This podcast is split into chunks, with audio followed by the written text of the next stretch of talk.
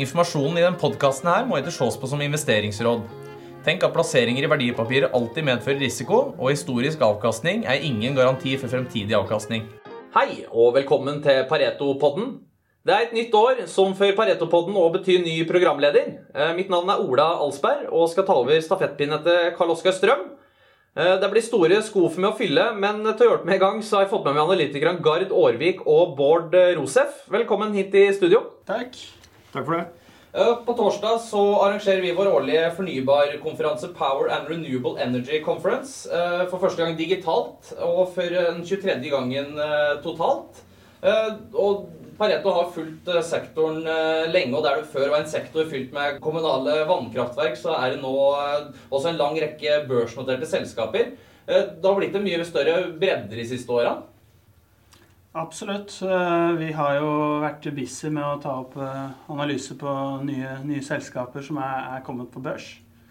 Eh, Så spesielt innenfor, innenfor IT og software, men også innenfor fornybar, så, så, så er det populære sektorer hvor det har vært relativt lite på, på norsk børs, og, og som, som har ridd denne Euronext growth-bølgen, Ja, som har gitt tilgang til kapital for, for mange mindre selskaper. Mm, mm. Og dere følger jo henholdsvis eh, vind og hydrogen, eh, hydrogen generelt. Det har jo sett en, en voldsom boom eh, den siste tida. Ja. ja, nei, det har skjedd veldig mye spennende innenfor egentlig den brede cleantech-sektoren. Det som da vil være de som leverer systemteknologi til mer av disse kraftselskapene. Og som du sier, ja, innenfor hydrogen spesielt har det jo skjedd mye. Eh, Spesielt med tanke på nye selskaper som har kommet eh, på Oslo Børs eh, gjennom 2020. Og jeg vil jo si at en ting er jo at selskaper kommer på børs, men det er jo knyttet til en grunn, og det er jo nettopp fordi hydrogen og rollen hydrogen, spesielt da grønn og blå, vil spille i, i tiden som kommer.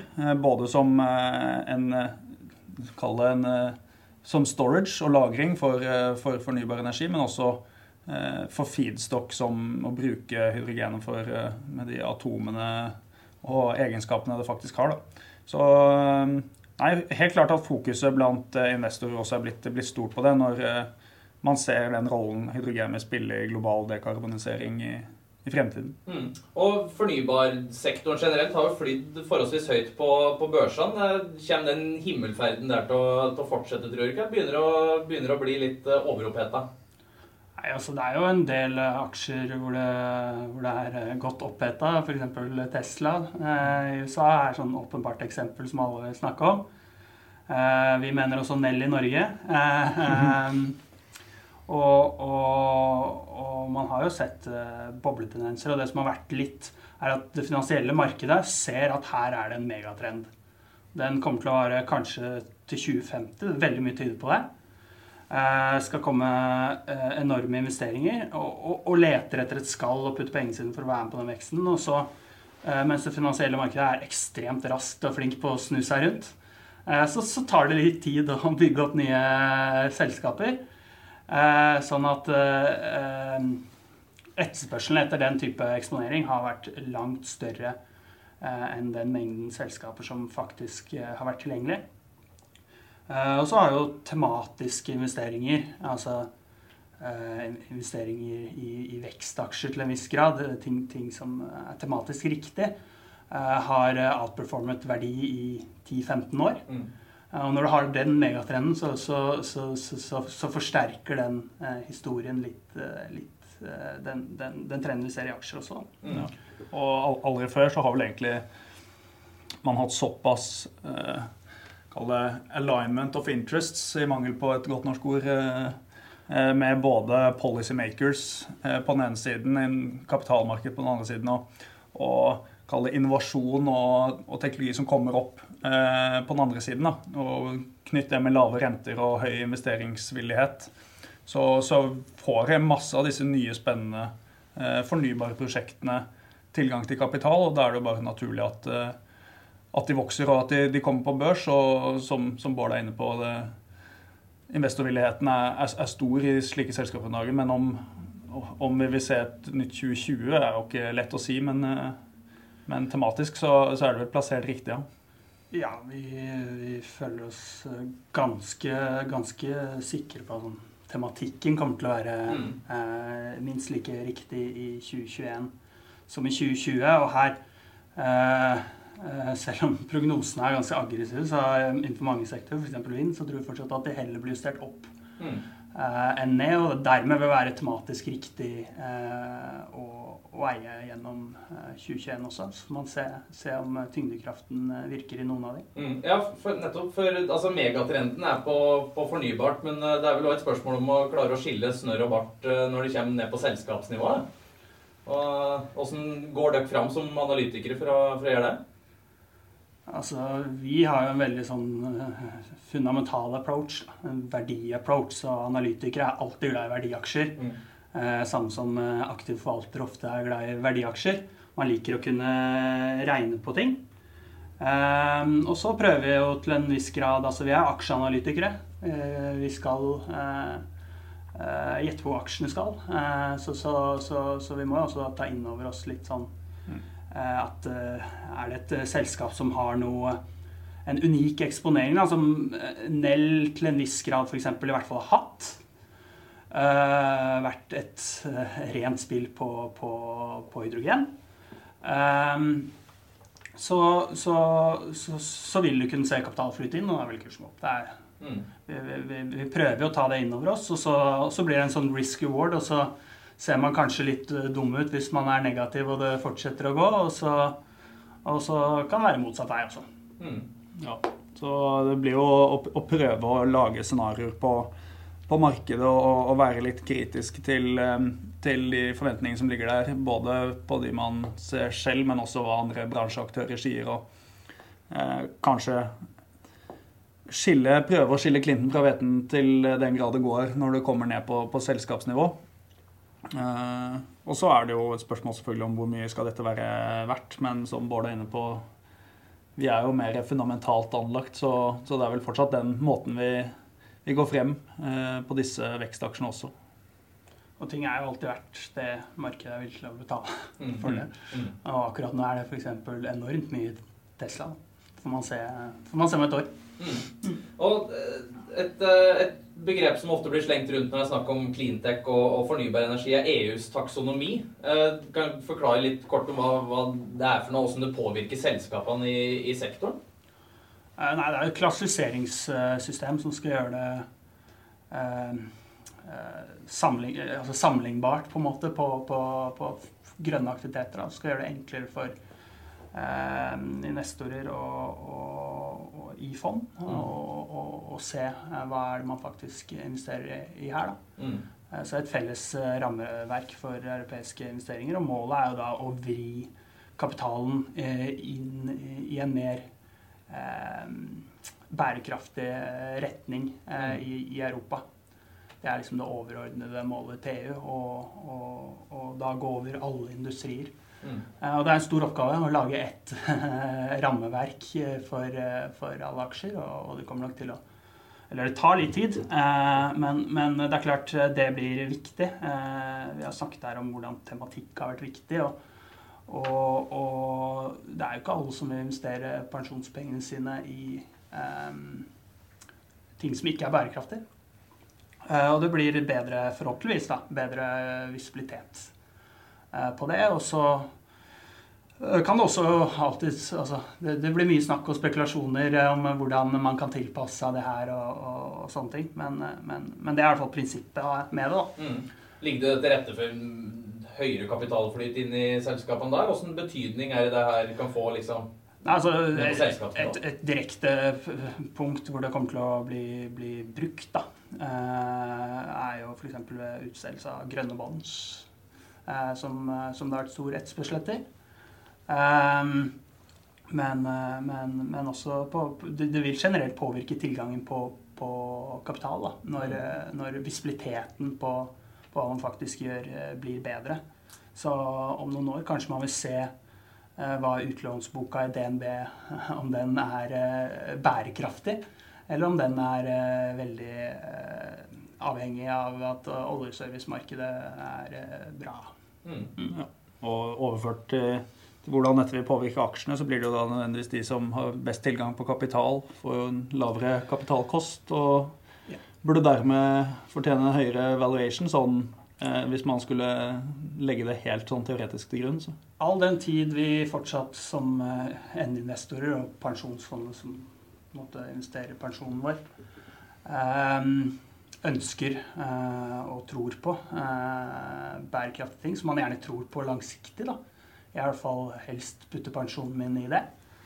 Eh, så lenge det er et, et, ønske fra investorer, og kanskje også et økende ønske, så, så vil det kunne føre til billigere kapitalkost for de som faktisk har det. da. Mm. Så vil, selvfølgelig Det de er veldig opptatt av, er at det ikke skal være grønnvasking. altså Du skal ikke kunne kalle, kalle, kalle det et grønt fond, og så er du faktisk ikke investert i det. Mm. Uh, så man er opptatt av å ha et felles uh, eh, rammeverk i EU. Da. Mm. Standardisering. Ja, visst. Og En annen litt mer nylig greie er jo at, eh, at Trump er på vei, på vei, ut av Det hvite hus. Han har tradisjonelt vært kjent for eh, å være eh, entusiastisk for både kull og, kull og olje. Og så inn kommer Biden, som er, i hvert fall virker mye mer fornybarorientert. Endrer Biden utsiktene for fornybarsektoren?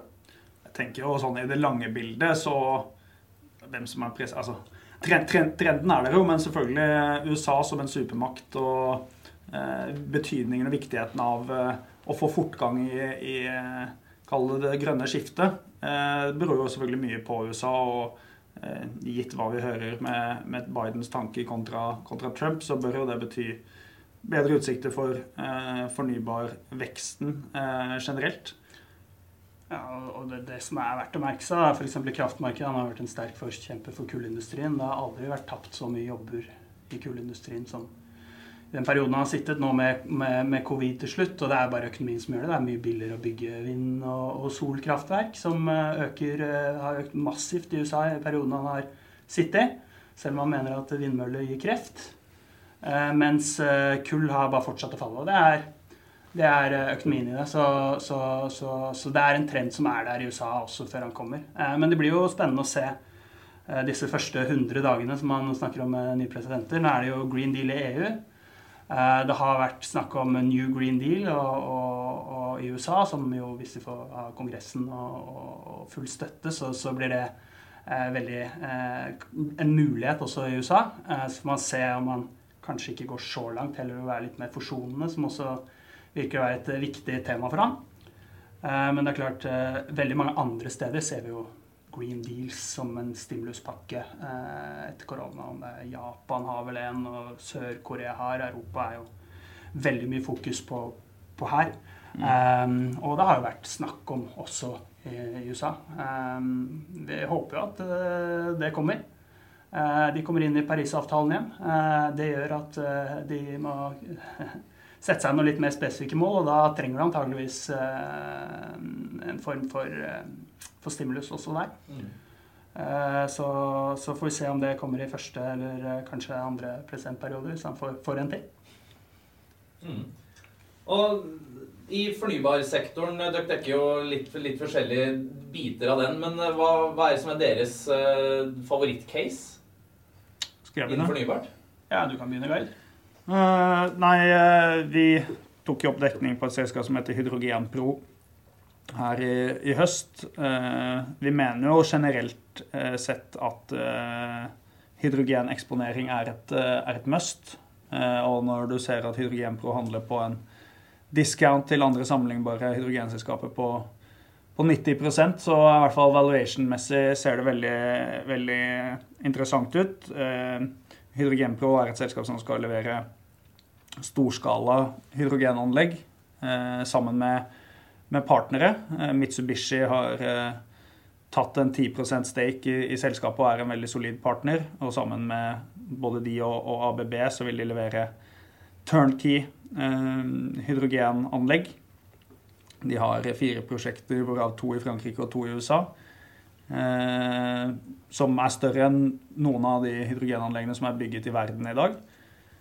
Eh, og selv om selskapet ikke har så mye historikk eh, tilbake i tid, så er det veldig kompetente mennesker som, som sitter der. Og, og, de har klart å få disse prosjektene opp på beina eh, selv med en liten organisasjon. Så samtidig så har de litt interessant IP og, og egen offering, så bare hevder at de kan eh, produsere hydrogen med sin løsning eh, enda mer effektivt enn hva man kan se andre eh, klarer. Så, så, et veldig spennende case både vekstmessig eh, på deres egne inntjeningstall, men også hvor aksjen handles i dag versus andre hydrogenaksjer. Mm.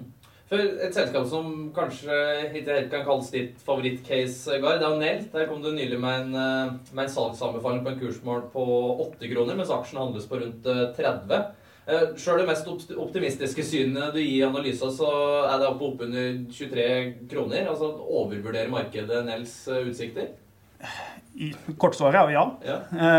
Eh, så er det selvfølgelig alltid usikkert. og Som jeg sa, man, man ønsker jo hydrogeneksponering. Mye som vi har lært her i denne, denne podkasten, så, så, er jo eh, temaet rundt bærekraft og, og eh, fornybar industri generelt veldig hot. Og, og man, man, må ha en eller annen eksponering. Men selv om vi tror at Nell vil vokse mye i tiden som kommer, så, så tror vi at markedet per nå overvurderer eh, mulighetene til, til, selskapet og egentlig neglisjerer alt av risiko på, på markedet og, og, konkurranse og eh, teknologien. For det er jo Grønn hydrogen i dag er jo en, en oppstartsfase eh, med tanke på skala, selv om elektrolyse har eksistert i lang tid. Så, så oppskaleringen av det er, er veldig usikker. og det er, det er, mange selskaper som investerer stort i kapasitet. Det kommer til å være mange tilbydere av ulik hydrogenteknologi i, i fremtiden. Og sånn som vi vurderer at Nell prises nå, så, så legger man nesten til grunn at, at eh, Nell skal ha veldig, veldig store deler av dette markedet. Eh, og man ja, som sagt ser litt bort ifra de andre aktørene som faktisk er der. og man har jo sett det i, andre mer modne industrier. Jeg dekker jo eh, RSE Silicon nå. Eh, man har jo sett hva som skjedde i oppstrømsbiten og i, innenfor solmarkedet med, med silisiummarkedet der, som effektivt trynet helt. Et selskap som har vært 150 milliarder eh, på et tidspunkt, som nesten var verdt null, ettersom det var så stor etablering av, av nye eh, eller nye selskaper innenfor eh, polysilicon-produksjon. så, så nei, det, man, man, må ta inn over seg at det, det, er flere aktører der ute, som, og de risikoene må reflekteres sånn som vi ser det. da. Mm. Jeg var jo en av de stolte aksjonærene i REC eh, som student. Jeg tror det var rundt peak. Jeg regna jo ikke. Men jeg kjøpte jo da aksjen 100 tematisk. Um, og for meg, for min del, så slo det helt feil. Mm. De som kjøpte eh, Nell på jeg vil si 6 kroner, er ganske dyrt i Nell også. På, seks 6 kroner har jeg jo fått en kjempeavkastning. Um, så får man se hvor lenge det varer. Jeg tror det er ganske sånn bred enighet blant uh, de i finansbransjen, også en del som eier Nell, ja. om at uh, den er overprisa. Ja. Eh, fundamentalt sett i forhold til hva de kan komme til å inntjene, eh, tjene på sikt. Eh, men det fins jo allikevel gode investorer som har vært smarte og eid den tematisk. Og det samme er jo litt sånn norske folkeaksjen Tesla, da, som jeg har nevnt for tredje gang nå. Mm. Nei da, men det er, jo det, det er, jo en veldig viktig ting når det kommer til aksjeanalyse, å skille mellom sentiment og, ja. og, og, det fundamentale her. og det er ikke alltid like lett å i hvert fall spå eh, sentimentet. Og det er jo klart at, eh, som vi har vært inne på flere ganger her, ved inngangen av 2020 så var det ikke veldig mange hydrogenaksjer du kunne investere i, eh, eller folk i hvert fall kjente godt nok til. Eh, og det har jo endret seg litt nå. Både norske hydrogenaksjer har fått mer fokus, men også, også i utlandet. Så, så, det blir spennende å se hvordan det, det utvikler seg når man, når man helst bør ha en eller annen form for hydrogeneksponering. Så tror jeg kanskje at markedet generelt har en overdreven tro på at det kan bli mettet for det er klart, Selv om det har kommet mange nye fornybarselskaper, hvis du adder opp alle de market capene, så, så, så, er du nok ikke helt oppe på et Equinor-nivå. Så det, mm. det, blir jo mange små selskaper. Mm. Eh, sånn ren sånn kapitalflytmessig så, så, tror vi jo at det for så vidt eh, kan vare en, en, stund til. Samtidig som da prøver vi å velge ut de, eh, de aksjene hvor vi ser den fundamentale risikoen som mye, mye lavere. Mm. Det er riktig. Hva er det som er ditt, innenfor vind og, og den, den, biten der av, av sektoren? Hva, hva, er du, hva, er ditt favorittcase? Det er bare sånn Sektoren som helhet, da, den, den, fordelen har, er at økonomien allerede er der. Mm. Uh, på produksjon av, av, um, av kraft. Uh, så, så, det er ganske mye mindre risiko på, på en del vekstprognoser. Uh, det er ikke like avhengig av og usikkert som, som, det er for mange andre ting. akkurat nå er, er nok topicet vårt Cloudberry.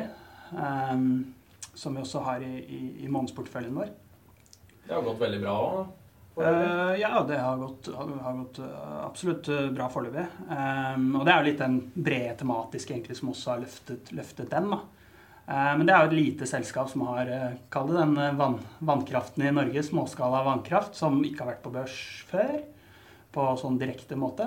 pluss det er en, en, en utvikler og utbygger i, i Sverige og Norge. Og det vi tror generelt er at det er kapital tilgjengelig. Det å ha kapital, det er ikke det viktige det, det, kommer du ikke til å få veldig god avkastning på lenger. Det er ikke noen uh, limitation. Men det som er limitation i markedet, spesielt sånn f.eks. For, for vindkraft i Sverige, uh, det er prosjekter. Uh, markedet skulle gjerne investert i flere prosjekter. og det tar tid å utvikle. og at de lokale utviklerne, som f.eks. Cloudberry, de får nå bedre betalt for sine tjenester og kan ta en større del av verdiskapningen med mindre capital employed. Eh, og det har de også vist gjennom transaksjoner. Aksjen i fjor ble listet eh, IPO i april 2020. Så handlet den ganske sånn flatt, var en død aksje, ganske lavt volum egentlig. Og så har den begynt å bli tatt litt tak i av investorer nå egentlig slutten av av, av, fjoråret og inn i år, etter at de gjorde en, eh, en emisjon. Og, og, vi tror det, det kan fortsette. Det er en aksje som er priset fundamentalt attraktivt, uh, mener vi. da. Mm. Uh, og når man da ser at alle sammenlignbare selskaper, dog mye større, har gått fra å være dyre til å være kjempedyre, så, så, så, så ser vi også veldig, veldig god støtte i den aksjen. Mm. Ja, visst. Er det, noe, er det noe med noen av selskapene i fornybarmarkedet som altså, Noen av selskapene i fornybarsektoren som markedet som helhet ikke helt synes å ha, ha fått med seg og har plukka opp? Nei, altså Vi mener jo at Cloudberry var en sånn aksje da, mm. eh, som ingen på en måte eh, brydde seg opp. Men markedet er blitt eh, For noen år siden så hadde vi en case som var Bonheur. Eh, men Eh, som ikke folk brød seg om. Men, men, markedet nå generelt er jo på, på søken i en mye større grad. Så jeg, så jeg, tror det er bedre oppmerksomhet rundt eh, mange små selskaper, som man jo, jo ser. Mm.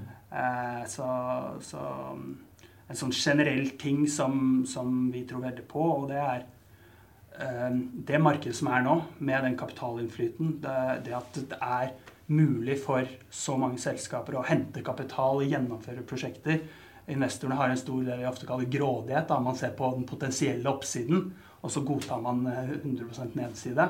Men allikevel finansierer det. Når markedet er der, eh, så finansieres det supermange mm. spennende cleantech-selskaper. Mm. Flere ligger helt sikkert i pipen. Uh, og, og, og, Norge har veldig mange flinke og billige ingeniører som, som, har gode ideer. Og dette her kommer til å føre til stor innovasjon. Mm. Jeg tror man, eh, man, skal ikke være for sikker på hvordan ting ser ut i 2040. Eh, akkurat nå er det en kjempepush på hydrogen. EU har på en måte valgt hydrogen. Uh, men, men, men, her kommer det til å komme enorm utvikling på Det skjer enormt mye spennende på batterier. Det skjer sinnssykt mm. mye spennende på hydrogen. Mm. På brenselceller. Hver eneste lille del av verdikjeden. Folk er villige til å finansiere det. Eh, og normalt sett for sånne type startup tidligfaseselskaper så er kapital den viktigste limitation-faktoren. Eh, så, så, frem mot 2040 her kommer det til å skje Det er en del av disse aksjene som kommer til å gå mye. Og, og, markedet ser det ikke før det er ferdig, eh, hvor mye de faktisk er verdt. Vi er analytikere, vi, vi prøver alltid å lage våre projeksjoner. Vi vet jo absolutt ikke alt. Eh, men, men, men, her kommer det til å komme innovasjon. Eh, disruptive teknologier eh, som kommer til å forandre synet vårt. Det er, det, er, det er, noe jeg føler meg ganske sikker på i et sånt marked som, som vi har nå. Mm. Um, og, og, all den kapitalen man uh, henter nå, den, den, kommer til å vedvare også. Ja.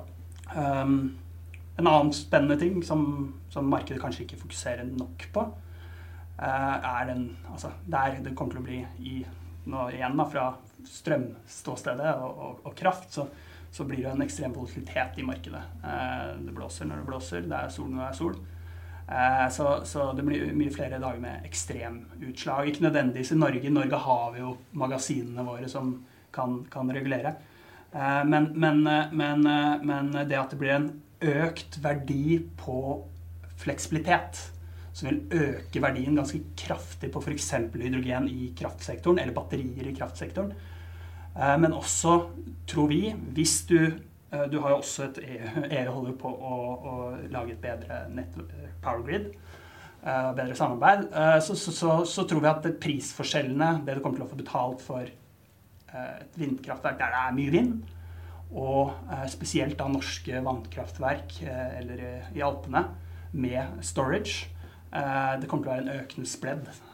Så, um, hvis vi får opp flere, flere, kabler, så kommer norske produsenter av vannkraft de kommer til å kunne selge strømmen sin ganske mye dyrere enn snittprisen, for de kan selge strøm når den er er dyrt. Mm. skru opp og ned krana? Du får rett og slett litt betalt for det, det, det, det batteriet det tross mm. alt er. Og, mm. og, og for langtidslagring så er jo altså det, er, det er dyrt å bygge ut nye vannkraftverk og, og, og sånne ting. Men, men uh, den fleksibiliteten du har med de, de kraftverkene, muligheten til å skru opp og ned, altså det, er, det er unikt. Og, og, mm. det får du ikke betalt for i dag, egentlig. Mm.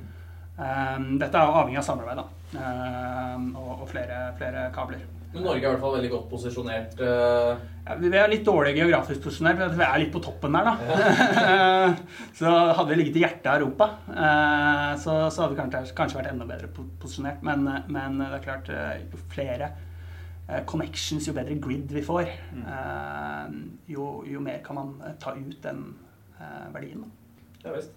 Vi må, vi må runde, runde, av der. Tusen takk til Bård Rosef og Gard Orvik. Eh, Power and Renewable-konferansen sparkes i gang digitalt på torsdag. Der blir det paneldiskusjoner, selskapspresentasjoner fra bl.a. Equinor, Scatec, Hydrogen Pro, Quantafuel, Rex Silicon og veldig, veldig mange andre. Og i tillegg så vil analytikerne våre kommentere på sektoren og selskapene innenfor eh, fornybar energi.